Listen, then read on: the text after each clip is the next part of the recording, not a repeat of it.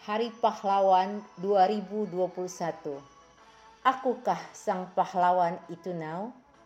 Oleh Santi Lisana 10 November 2021 10 November identik dengan Hari Pahlawan di Indonesia.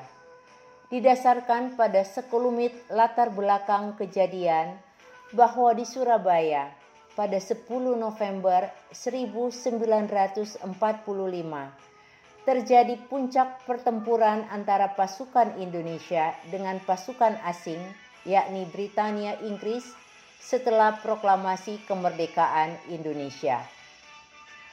Pertempuran terbesar dan terberat dalam sejarah Revolusi Nasional Indonesia menjadikan simbol nasional atas perlawanan Indonesia terhadap kolonialisme. Merupakan sebuah pertempuran yang tidak berimbang karena pasukan Indonesia bertempur hanyalah bermodal tekad dengan peralatan minim walaupun ditopang oleh masa yang besar sekitar 20 ribu tentara infanteri rata-rata mantan perwira dan prajurit peta dan lebih dari 100 ribu personil milisi rata-rata para santri. Dibandingkan dengan pasukan sekutu sebesar 30 ribu personil dilengkapi dengan tank, pesawat, dan kapal perang. Berbagai sumber mencatat pertempuran ini menelan korban tewas dalam jumlah besar pada kedua kubu, dengan angka terbesar di kubu Indonesia berkisar antara 6.000 hingga 16.000 tewas dan lebih dari 20.000 luka-luka. Disebutkan walaupun pasukan Republik Indonesia kalah, namun pertempuran ini membangkitkan semangat bangsa Indonesia, memperjuangkan kemerdekaannya, dan menarik perhatian internasional.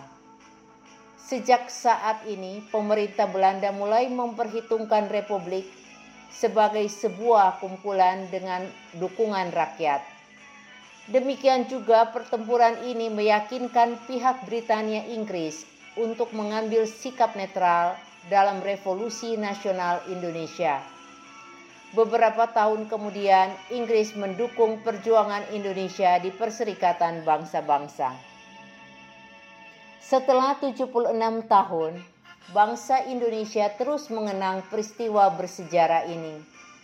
Bahkan Kementerian Sosial mengajak seluruh masyarakat Indonesia untuk menghentikan aktivitas sejenak berdiam selama 60 detik pada pukul 8.15 waktu setempat untuk berdoa dan mengenang jasa para pahlawan yang telah gugur memperjuangkan Indonesia. Tisande mengajak para kaum muda, generasi 4.0, para milenial, kita buktikan cinta kita kepada para pahlawan dengan mengaplikasikan tiga karakter penting yakni satu, semangat nasionalisme, yaitu sikap dan tindakan yang mengutamakan kepentingan bangsa dan menyatakan kepentingan pribadi atau individu dan atau kelompok di bawah kepentingan bersama. Dua, cinta tanah air, yaitu sikap mencerminkan rasa bangga, loyalitas, kepedulian dan rasa hormat yang tinggi untuk bahasa, budaya, ekonomi, politik, dan lain-lain, serta tidak mudah menerima tawaran dari negara lain yang dapat membahayakan bangsa sendiri.